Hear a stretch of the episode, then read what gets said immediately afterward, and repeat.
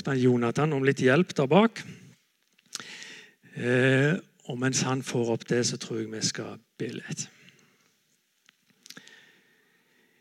Jesus frelser, vi er her. For ditt sannhetsord å høre. Lukk nå opp, og Herre kjær, selv vårt hjerte og vårt øre. At vi må i hu og sinne lukke deg og himmelen inne. Amen. Eh, jeg har fått eh, Hiskia som emne. Det er en mann som levde ca. 700 før Kristus. Eh, det var en utrolig spennende tid. Det er vel kanskje den, det som hendte nå, det som jeg skal fortelle om i dag, det er kanskje det mest ekstreme som har hendt i verdenshistorien noensinne. Det kan ta pusten ifra oss. Eh, på den tida Jeg tror vi skal få opp et kartøyeblikk her. sånn som det så ut på den tida, Men da skjedde det for første gang. Verden hadde aldri sett maken. Det var det vi kaller for det første verdensriket. Omkring byene Ninive og Assur så hadde et rike vokst fram, Asyrerriket. Og De hadde tatt land etter land og rike etter rike. Verden hadde aldri sett en sånn krigshær, verken i brutalitet eller effektivitet eller størrelse. De var kjente for å være veldig flinke på heste, hesteryggen. De hadde vogner. De hadde til og med en type sånn stridsvogn som de til og med kunne reise over elver med. Og de var nådeløse. De tok by etter by og land etter land. Eh, Tyrkia, det som i dag er Tyrkia, Irak, Iran, Saudi-Arabia, Jordan, Libanon, Israel, Egypt. Hele området rundt der. Men historien vår begynner ikke der. Den begynner lenge før. Helt ifra tidenes morgen, eller iallfall fra menneskehetens morgen. Der begynner historien. For det hadde gått så galt i en hage. Adam og Eva hadde gjort et opprør mot Gud. Og de eh, står der skamfulle. Og så er det en slange som har eh, frista dem. Og dommen over den slangen er at ditt hode skal knuses. Og det skal kvinnens etterkommer gjøre. Kvinnens etterkommer skal gjøre det. Skal knuse ditt hode, og han skal sjøl få ødelagt sin hæl. Ah, så ondskapen skal en gang gjøres ende på. En gang så skjer det. En gang. Og kanskje allerede Eva, når hun fikk sin første sønn, kanskje hun allerede der håpte at nå kom han, han som skal ordne opp for oss. Men verken Kain eller Abel kunne det. Han ene ble et offer, han andre ble en drapsmann. Kanskje det var Sett, deres tredje sønn? Nei, heller ikke han. Og Tida gikk, og helten lot vente på seg. Eh, århundrene gikk, og det skjer tilsynelatende ikke så mye. Så kommer vi til ca. 1800 før Kristus, og så sier Gud til en mann deg skal jeg bruke. Han velger ut en mann, Abraham. Er han helten sjøl, eller? Nei, kanskje ikke, for det blir sagt at i de slekt skal hele verden velsignes. Alle jordens slekter skal velsignes i deg. Hans sønn Jakob får høre noenlunde det samme. Hans barnebarn Nydelig. Takk skal dere ha. Hans barnebarn eh, Isak får høre noenlunde Isak er sønnen, han får høre det samme noenlunde. Jakob, barnebarnet, får høre noenlunde det samme. Og det er jo Jakob som spår over sin sønn Juda. Eh, I første Mosebok 49. Kongespir skal ikke vike fra Juda, ikke herskerstav fra hans føtter, inntil fredsfyrsten kommer. Ah, fredsfyrsten kommer. Lampen er fortsatt tent. Håpet er ikke ute. Årene går fortsatt, hundreårene går fortsatt. Og vi kommer til ca. 1200 før Kristus. Israelsfolket er på vei ut av Egypt og inn i et nytt land. Der de møter en profet, en hedningenprofet. Og akkurat så helt ut av det blå så sier han Jeg ser ham, men ikke nå. Jeg skuer ham, men ikke nær. En stjerne stiger opp av Jakob. Et spir løfter seg fra Israel. Han knuste Moabs tinninger og utryddet ufredsheten. Knuste tinningene. Ah, det er hodet som skal knuses. Det har Biliam sitt. Det nærmer seg. Og så skjer det. Ca. 1000 år fra Kristus så får Israel endelig sin konge, Saul. En flotte, høge, sterke, flotte, fine mann. Han må det vel være. Men nei, han var en skuffelse. David, nestemann, han Det er vel ingen som har vært som David. En superhelt i jødisk historie. Til og med i dag så har de et symbol etter han. Han må det vel være. Han hadde jo flere gaver. Han var, ja, han var salva til konge flere ganger. Han var jo profet. Han hadde profetiske gaver. Og nå begynner uttrykket å vokse fram. Den salva. For det gjorde de nemlig med konger. De tømte olje over hovene deres og så sa vi vi salver deg til konge. De gjorde det av og til med profeter, av og til også med prester. De ble salva. På hebraisk så ble de en mashaya, eller på norsk en Messias. Det betyr salva. Så Fra den tida framover så blir dette uttrykket viktigere og viktigere. Vi venter på en salve, en Messias. Han kommer. Han kommer. Og Der ser dere eh, det kartet. Det er to forbløffende ting med det kartet. Ikke om dere klarer å se det. Kanskje dere ser det allerede. To ting. Tenk litt på det hadde håp om at det skulle være David. Kanskje det var han. Han, han til og med sier i av sine salmer, salme 16, at du skal ikke la din hellige se tilintetgjørelse. Du vil ikke overgi min sjel til grava. Ah, skal ikke David dø? Skal han leve evig? Ah, brikkene begynner å falle på plass her.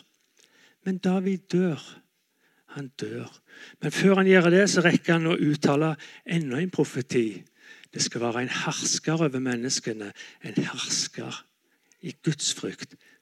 En rettferdig. Så dør han, så blir han sønn Salomo konge. Fredsfyrsten har vi jo hørt om allerede. har vi ikke det? Salomo betyr fred. Det kan være han. Men nei, det var ikke han heller. Og Etter hans død så blir riket delt i to. Israel blir delt i to, og Det er veldig forvirrende for noen når de leser i Bibelen. For plutselig er liksom Israel i krig med Israel. Men altså, det var tolv stammer i det riket, og ti av de gjorde opprør. Og De deler landet. Eh, og De etablerer seg i nord. Vi kaller det for Nordriket. Eller de kaller seg for Israel. Og hovedstaden er Samaria. Og Sørriket Eh, den nederste delen, de kaller seg for Juda, og hovedstaden er Jerusalem. De er til og med i krig med hverandre. Det er helt utrolig. De er jo brødre, og de kriger med hverandre. Og sånn er det nå. Nå er vi kommet til her. 750 ca. før Kristus. Akas er konge i Israel. Eh, og han er blitt angrepet eller har konflikter med, med broderfolket sitt, med Israel. For Akas er konge i Juda. Og Syria er med på dette komplottet. Så hva gjør Akas da? Han var en, litt av en konge, Akas, med negativt fortegn. Han reiste avgudsaltere rundt om i hele Israel. Han fikk folket til å falle ifra Gud. Han var en grusom konge. Og i plassen for Når han ble angrepet, i plassen for å be til Gud, så vendte han sine øyne mot Asyria. Han tilkaller kongen der oppe, Tiglat Pileser, heter han, og sier kan du hjelpe meg? Og Så gir han en allianse med han. Han blir hans tjener, betaler han skatt. Han går inn i tempelet og river ned gull og sølv. Alt han finner av kostbarheter. og Så betaler han det til kongen i Asyria. Og så blir de sånn uh, samarbeidspartnere, for å si det sånn. Syria hjelper, hjelper kongen. Han knuser etter hvert Syria, og han knuser også Israel, Nordriket. Samaria blir tatt. Tre år lang beleiring, og de forsvinner. Og Det Syria gjorde for å stabilisere riket sitt Når de tok et folk, så flytter de de. De flytter de til en annen plass i riket og så setter de noen andre inn der. Det var for at folk ikke skulle være knytta til plassen sin og lettere gjøre opprør. Så disse her folka som ble bortført fra Samaria, de måtte begi seg på en vandring oppover. I lenker. Vi kan bare tenke oss, Det var dødsmarsjen I grøftene så lå det helt sikkert lik og lemlesta kropper, utmagra. Det var ikke en vandring du ville være med på.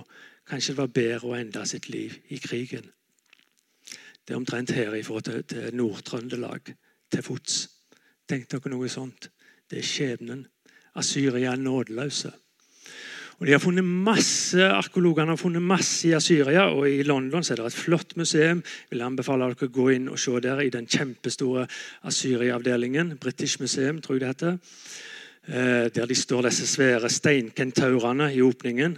Og det er masse de har funnet. Der har de funnet inskripsjoner etter kongene der oppe. Og de skriver om at noen lot vi leve, noen drepte vi. Noen blinda vi, noen skar vi av ører, noen skar vi av føtter, noen skar vi av hender. De var nådeløse. Men det er tre profeter som virker mens Akas er konge. Det var Hosea, det var Mika, og det var Jesaja. Har du allerede lest fra Jesaja, Siv, eh, og vi skal helle oss helst der. Faktisk talt så går Jesaja til kongen, til Akas, til denne ugudelige kongen. Og så kommer han med en profeti. Vi har ofte hørt disse profetiene som jeg skal lese i dag. Men de er talt rett inn i tida. En profeti har ofte flere lag. Det skal ofte skje noe umiddelbart, og det skal skje noe langt framme. Men til denne kongen. Og Det står helt konkret at han går til Akas, og så sier han Derfor skal Herren selv gi dere et tegn. Se, en jomfru skal bli med barn. Hun skal føde en sønn og gi ham navnet Immanuel.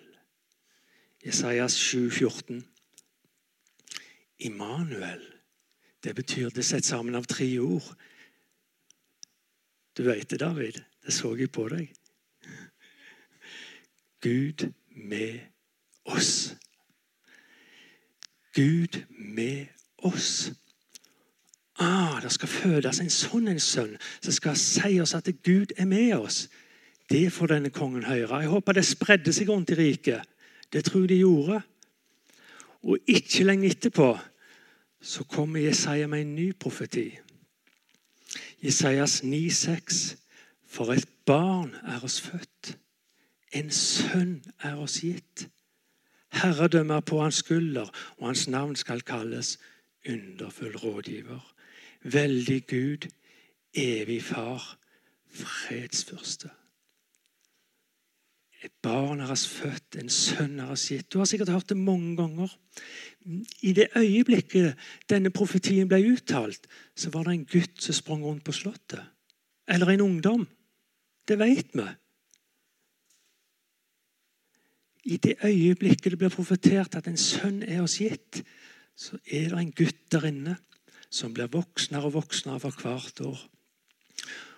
Jeg vil, hvis jeg hadde levd på den tida Det står ikke noe om dette, det står ikke sagt, men det står heller ikke motsagt.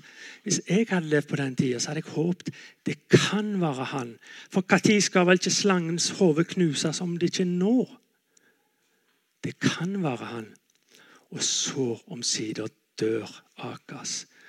Og en ny mann setter seg på tronen. Det er denne gutten, Aka sin sønn. Han er 25 år gammel, og han heter Hiskia. Det er forløpet.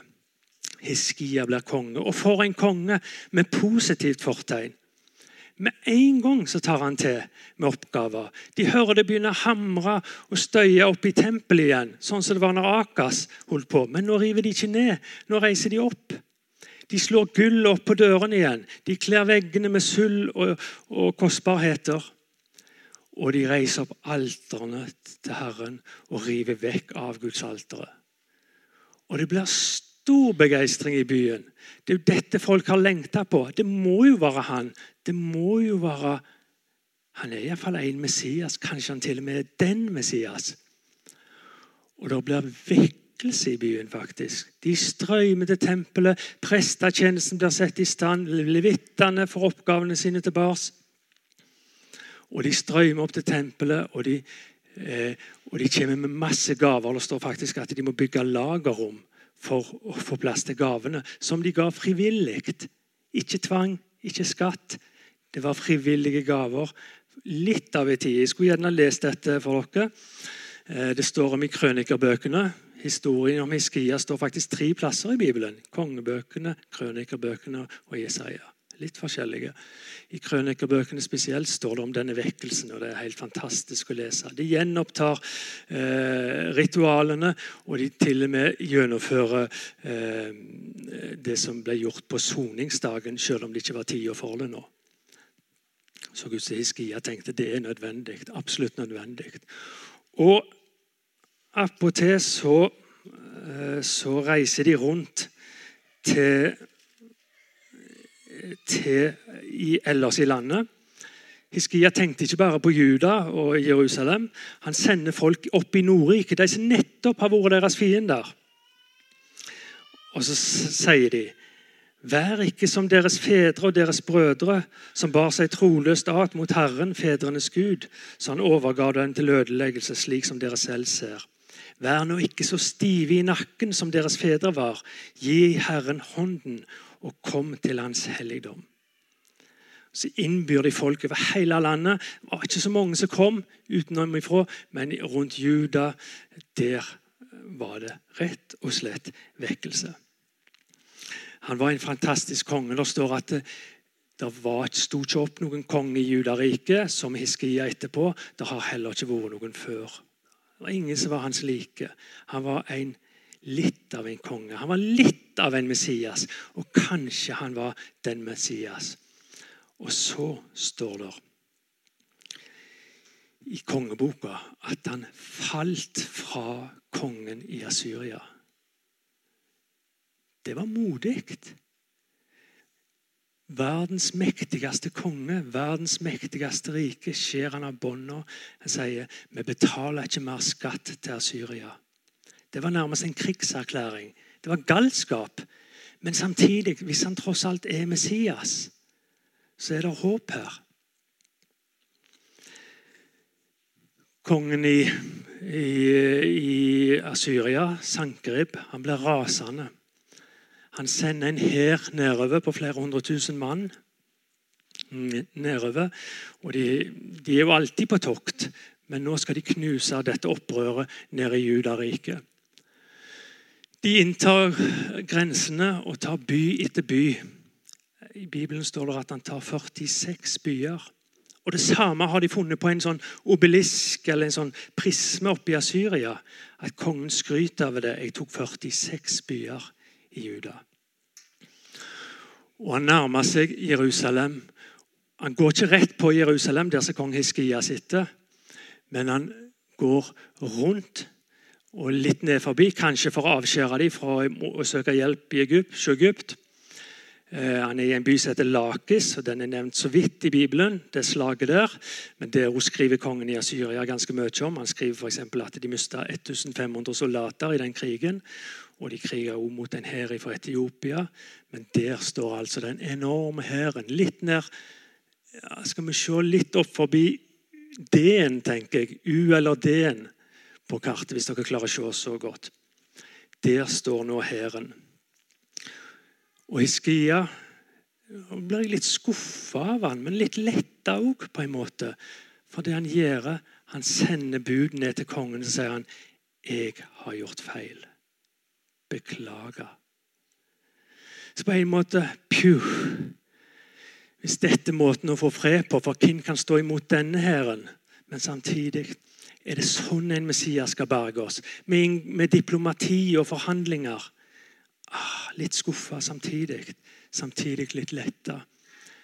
Kongen er ikke nådig. Han Sankerib han legger på han en enorm skattebyrde. Han gir han en enorm gjeld. Og der står Han måtte betale gull og sølv, og igjen så må de opp i tempelet. De må flekke av veggene, flekke av dørene, ta kostbarhetene, og de sender den ned til kongen. Om han klarte å betale gjelda si, det vet vi ikke. Noen har estimert den prislappen til ca. 100 millioner på den tida. Så kan du indeksregulere det opp til dagens pris. Vi vet ikke om han, om han fikk godtgjort for kongen på denne måten. I alle fall så er ikke kongen fornøyd. Asyria er ikke fornøyd. Han sender opp en kommandant som heter Rabsake, som stiller seg ut forbi muren til Jerusalem. For de har mur. Og Det har Hiskia bygd opp i senere tid. Han har til og med lagt masse våpen der inne. Og Attpåtil har han gjort en genistrek. For det er vannkilder utenfor byen. Eh, og der har han, Den har han stoppet til, og så har han ledet vannet inn i byen til Siloadammen. En 530 meter lang tunnel. Hiskia-tunnelen kaller de den.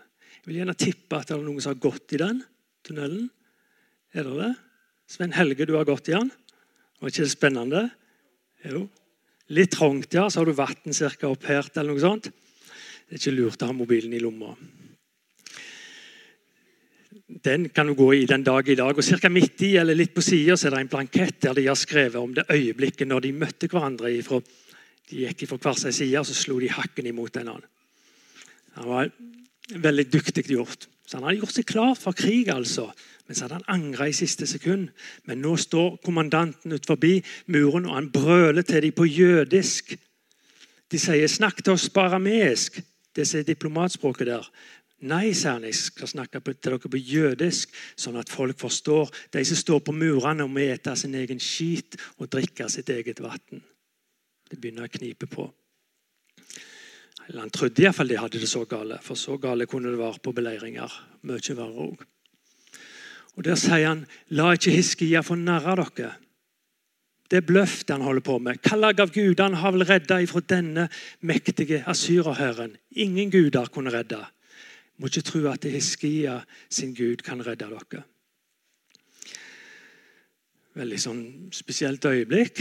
De folket som lever inne der, de står med valget. Skal vi snike oss ut en av portene? Skal vi overgi oss? Jeg vet ikke om det er et mål å overleve denne krigen. her. Jeg vet ikke om det er et mål å overleve og måtte begi seg ut på en dødsmarsj. Jeg vet ikke. Kanskje legger jeg ungene for siste gang. Men glemmer ofte det at det er ekte mennesker det handler om. Kanskje det siste måltid. Kanskje det siste gang jeg snakker med naboen. Kanskje det siste gang Kanskje det siste gang.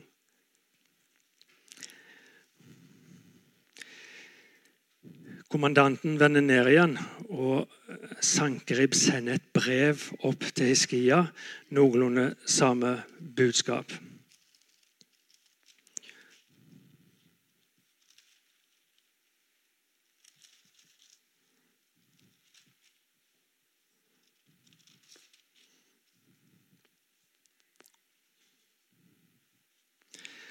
Når Iskia får dette brevet, så tar han det med seg. Så går han opp bakken, ut av palasset sitt, opp bakken, opp til tempelet, opp trappene, opp i forgården, inn portene, inn i tempelet. Ikke selve tempelet, men i forgården rundt.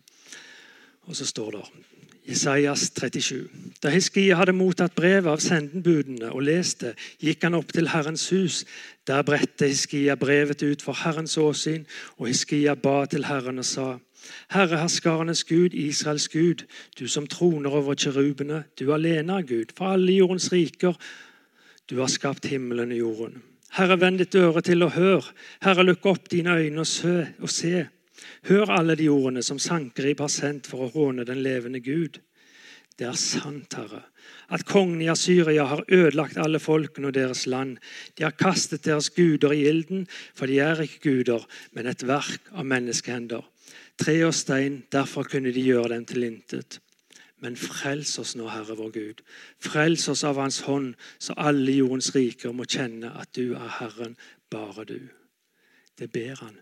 Og Hvis vi leser første kapittel i Hosea, som hun levde på den sida, så står det at Juda skal frelses, men ikke med hest og våpen, men med Herren. Og Iskia sjøl sier at Herren er med oss. Det minner jo om det navnet. Gud med oss. Så det er et håp. Og For å gjøre en lang historie kort, så kommer profeten. Og velsigner når profeten kommer. Og han sier Derfor sier Herren så om kongen i Asyria. Han skal ikke komme inn i denne byen og ikke skyte en pil inn i den. Han skal ikke rykke fram mot den med skjold og ikke kaste opp vold mot den. Den veien han kom, skal han vende tilbake, og inn i denne byen skal han ikke komme, sier Herren. Det har profeten sagt. Og det som profeten sier, det skjer. Selv om Sankrib, som han har skrevet, som de har funnet Jeg fangde Hiskia som fugl i et bur. Men Jesajas 37, 36 Det må vel være en av verdens grusomste hendelser. Og Herrens engel gikk ut og slo 185 000 mann i asyrernes leir. Da folk sto opp om morgenen, fikk de se dem alle ligge der som døde kropper. Og så vender syrerhæren hjem igjen. Så det første forbløffende tinget med det kartet, som ligger på Wikipedia Søk på Syria på Wikipedia, og du får opp dette kartet her. Ser dere at uh, det er en gul flekk midt på? Klarer dere å se det? Ser dere farger fra der dere sitter? Ja. Det er Juda omkring Jerusalem som ikke ble tatt av Asyreriket. Ikke det fascinerende? Og fortellingen om det står i Bibelen. Gud redda Juda. Vidunderlig. Et mirakel har skjedd. Det var et grusomt mirakel. Men hva var alternativet? Det var jubel i gatene. kan vite det, ikke, Her i Norge er det sånn at du må se på programmet om det er begravelse eller bryllup. For Vi er litt sånn tamme av oss. Men ser du nede i Midtøsten, så de, har de følelsene langt på utsida. ikke sant? Og der må vi anta det var jubel i gatene. For de var redda. Men ikke inn på Slottet, for der hører de hulkegråt. Og det er merkelig. For livet er så merkelig. Det kunne ikke alltid vært kjekk, kunne ikke alltid vært bra på jobb. Kunne det ikke alltid vært fred i familien. Kunne det ikke alltid. Men lykken er en flyktig gjest. Stundom går, og stundom kommer. Ei selvskreven til hver fest. Vinter farget mang en sommer. Som et stakket strå i vind, tro hvor lenge det vil vare. Vaklende på høyet tinn, snart den flyr som jaget hare. Lykken som av verden gis, trues titt av tunge tanker. Midt i frydens søte bris står en sorg for døra banker. Og det som bankte på døra til Hiskia. Jesaja 38. På den tiden ble Hiskia dødssyk. For et sjokk! Skulle ikke han få ta del i feiringen? Skulle ikke han få ta del i gleden? Han skal dø. Men heldigvis banka de på døra igjen. Det er profeten som kommer. Å, Jesaja, så godt du kom. Å, for en lettelse. Du har jo nettopp vært her, og det du sa, det skjedde. For en lettelse. Hva har du å fortelle meg, Jesaja? Hva mirakel skal jeg oppleve denne gang? Jesaja 38, 1. Da kom profeten Jesaja, Amos sønn, inn til ham og sa til ham.: Så sier Herren, beskikk ditt hus, for du skal dø og ikke leve lenger. Wow, det må ha vært så kniver i hjertet. Man kan sende legene på dør. Slaget er tapt. Profeten har sagt det. Jeg er døende. Og nå skal jeg ikke ta tid til å lese det, men det er gripende å lese i Jesajas 38. Når for Hiskia skriver en sang om dette, hvor, hvor, hvor, hvor, sorgfull han er, og full av angst. Jeg kan lese ett vers. 14. Eh, som en svale, som en trane, slik klynket jeg. Jeg kurret som en due, matte så mine øyne mot det høye. Herre, jeg er redd, gå i borgen for meg. Han er livredd. Han som nettopp har overvunnet syrerhæren. Han som har lagt vekkelse i byen. Han er redd, for han står overfor den siste fiende som han ikke kan overvinne. Så må han ta av sin krone, så må han legge fra seg sitt septer, så må han ta av sin kappe, og så han reise seg fra sin trune, og så må han gå naken inn i døden. Som han ble født, sånn skal han ut. Han ber til Herren igjen. Og så skjer det. Jesaja han snur på hælen og går inn igjen. Gå og si til Hiskia, så sier Herren din fars, Davids Gud, jeg har hørt din bønn, jeg har sett dine tårer, se jeg legger 15 år til din alder. Så ble han faktisk talt helbreda. Han ble frisk og fikk 15 nye år. Virker ut som det var fredelige år. Og det skjer av og til. Det skjer mirakler. Men hvis du leser gjennom Gamle Testamentet, så er det ganske mange som dør De fleste opplevde ikke det, men det kan skje. Det nytter å be. Det kan skje, men det er sjelden. Det er sjelden. Og uansett, når vi tenker oss om, så var det jo en utsettelse av problemet. For jeg måtte jo dø før eller senere. Men så kommer vi inn til han, og han fortsetter på denne sangen som han har skrevet. Og så sier han, og nå leser jeg fra Jesaja 38, vers 17. og Dette har du kanskje hørt før. Se til fred ble meg det bitre, ja, det bitre. I kjærlighet drog du min sjel ut fra ødeleggelsens grav, for du kastet alle mine synder bak din rygg. Det har vi hørt i en sang, i en barnesang. Han har kastet alle mine synder bak sin rygg. Det kommer ifra Hiskia. Synd, sier du, Hiskia? Sitter du virkelig her og snakker om synd? Er sykdommen gått til hodet på deg? Er du vel bevart? Vi snakker ikke om sånt. Det var jo før i tid. Og vi er jo tross alt kommet til 3050 etter Adam. Eh, det var vel sånn de snakket om på Noahs tid. Sitter du her og snakker om de synd, Hiskia? Du er konge, du har beseiret syrerne, du har skapt vekkelse. Han har kastet alle mine synder bak sin rygg, sier Hiskia. Ja, men Hiskia, eh, fortell. Hvordan skjedde miraklet? Fortell. Han har kastet alle mine synder bak sin rygg. Det er det Hiskia ville fortelle. Se til fred ble meg det bitre, ja, det bitre.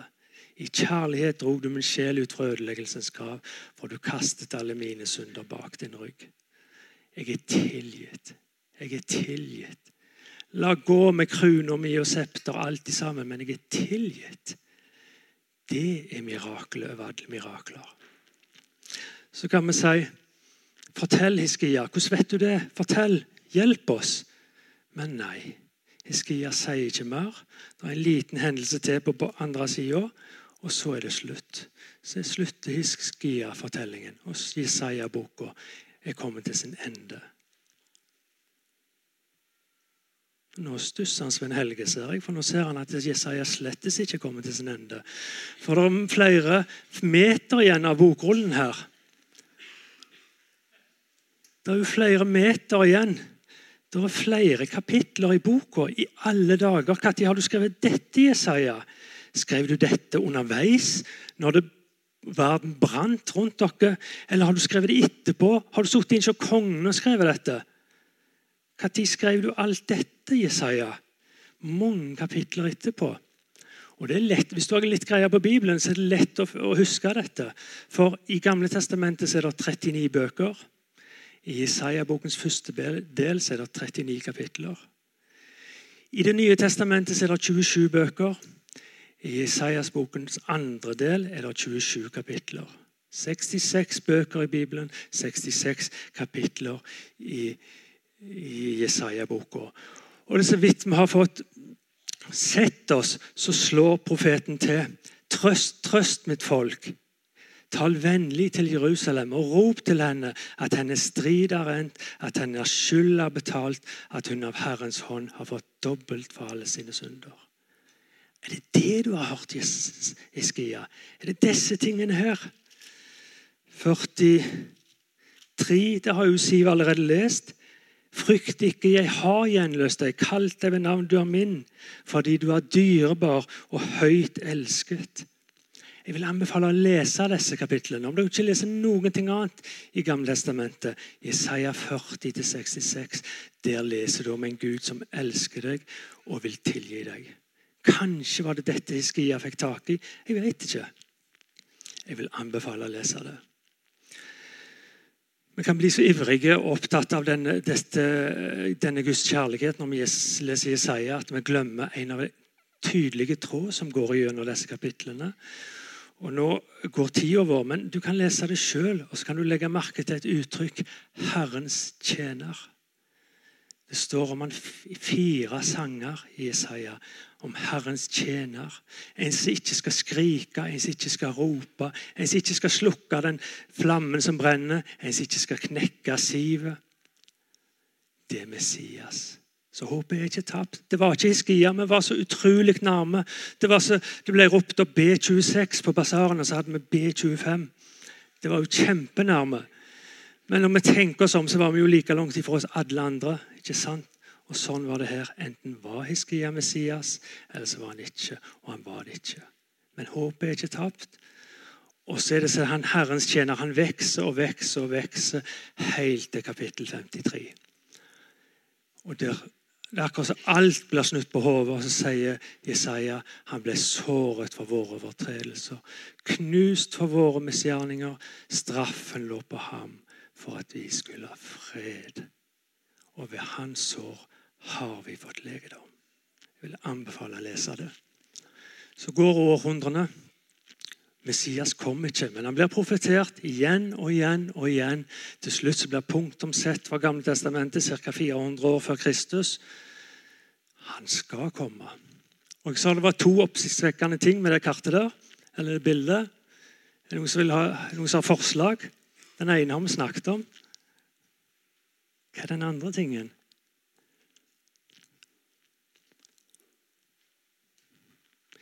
BC. Ser dere? Asyriske rike 824 before Christ. Er ikke det forbløffende? Før Kristus. Kristus er et gresk ord. Det betyr 'den salvede'. Akkurat det samme som Messias. 824 før Messias. Det er jo en sensasjon. For det hendte nemlig en gang. Omtrent der som eh, A-en er, litt opp forbi A-en, eller litt mellom A-en og D-en. Frykt ikke, for se, jeg forkynner dere en stor glede, en glede for alt folket. I dag er det født der en frelser, som er Messias, Herren i Davids stad. Så er han her. Så er alt forandra. Alt forandra. Vi trenger ingen Hiskia. Vi har Kristus og alt det han er. Han er vår frelser. Og Bare noen dager etterpå så står det en mann i tempelet, Simeon. sier han, 'Herre, nå lar du din tjener fare herfra i fred, for mine øyne har sett din frelse, som du har beredt for alle folks åsyn.' Da kan vi lukke våre øyne. Da kan vi ta vår krone, legge ifra oss vår septer. Så kan vi gå til Herren. For Enten skal vi møte Herre, vår skaper med våre synder eller uten våre synder. Den som finner Kristus, møter han uten sine synder. Det er det kristendom egentlig handler om. Må Gud gi at vi, at vi finner han, eller han finner oss, og vi får tilgitt våre synder, sånn som Iskia fikk, og mange andre. Må Gud forbarme seg over oss, for riket hans, makten, er en evighet. Amen. Thank you.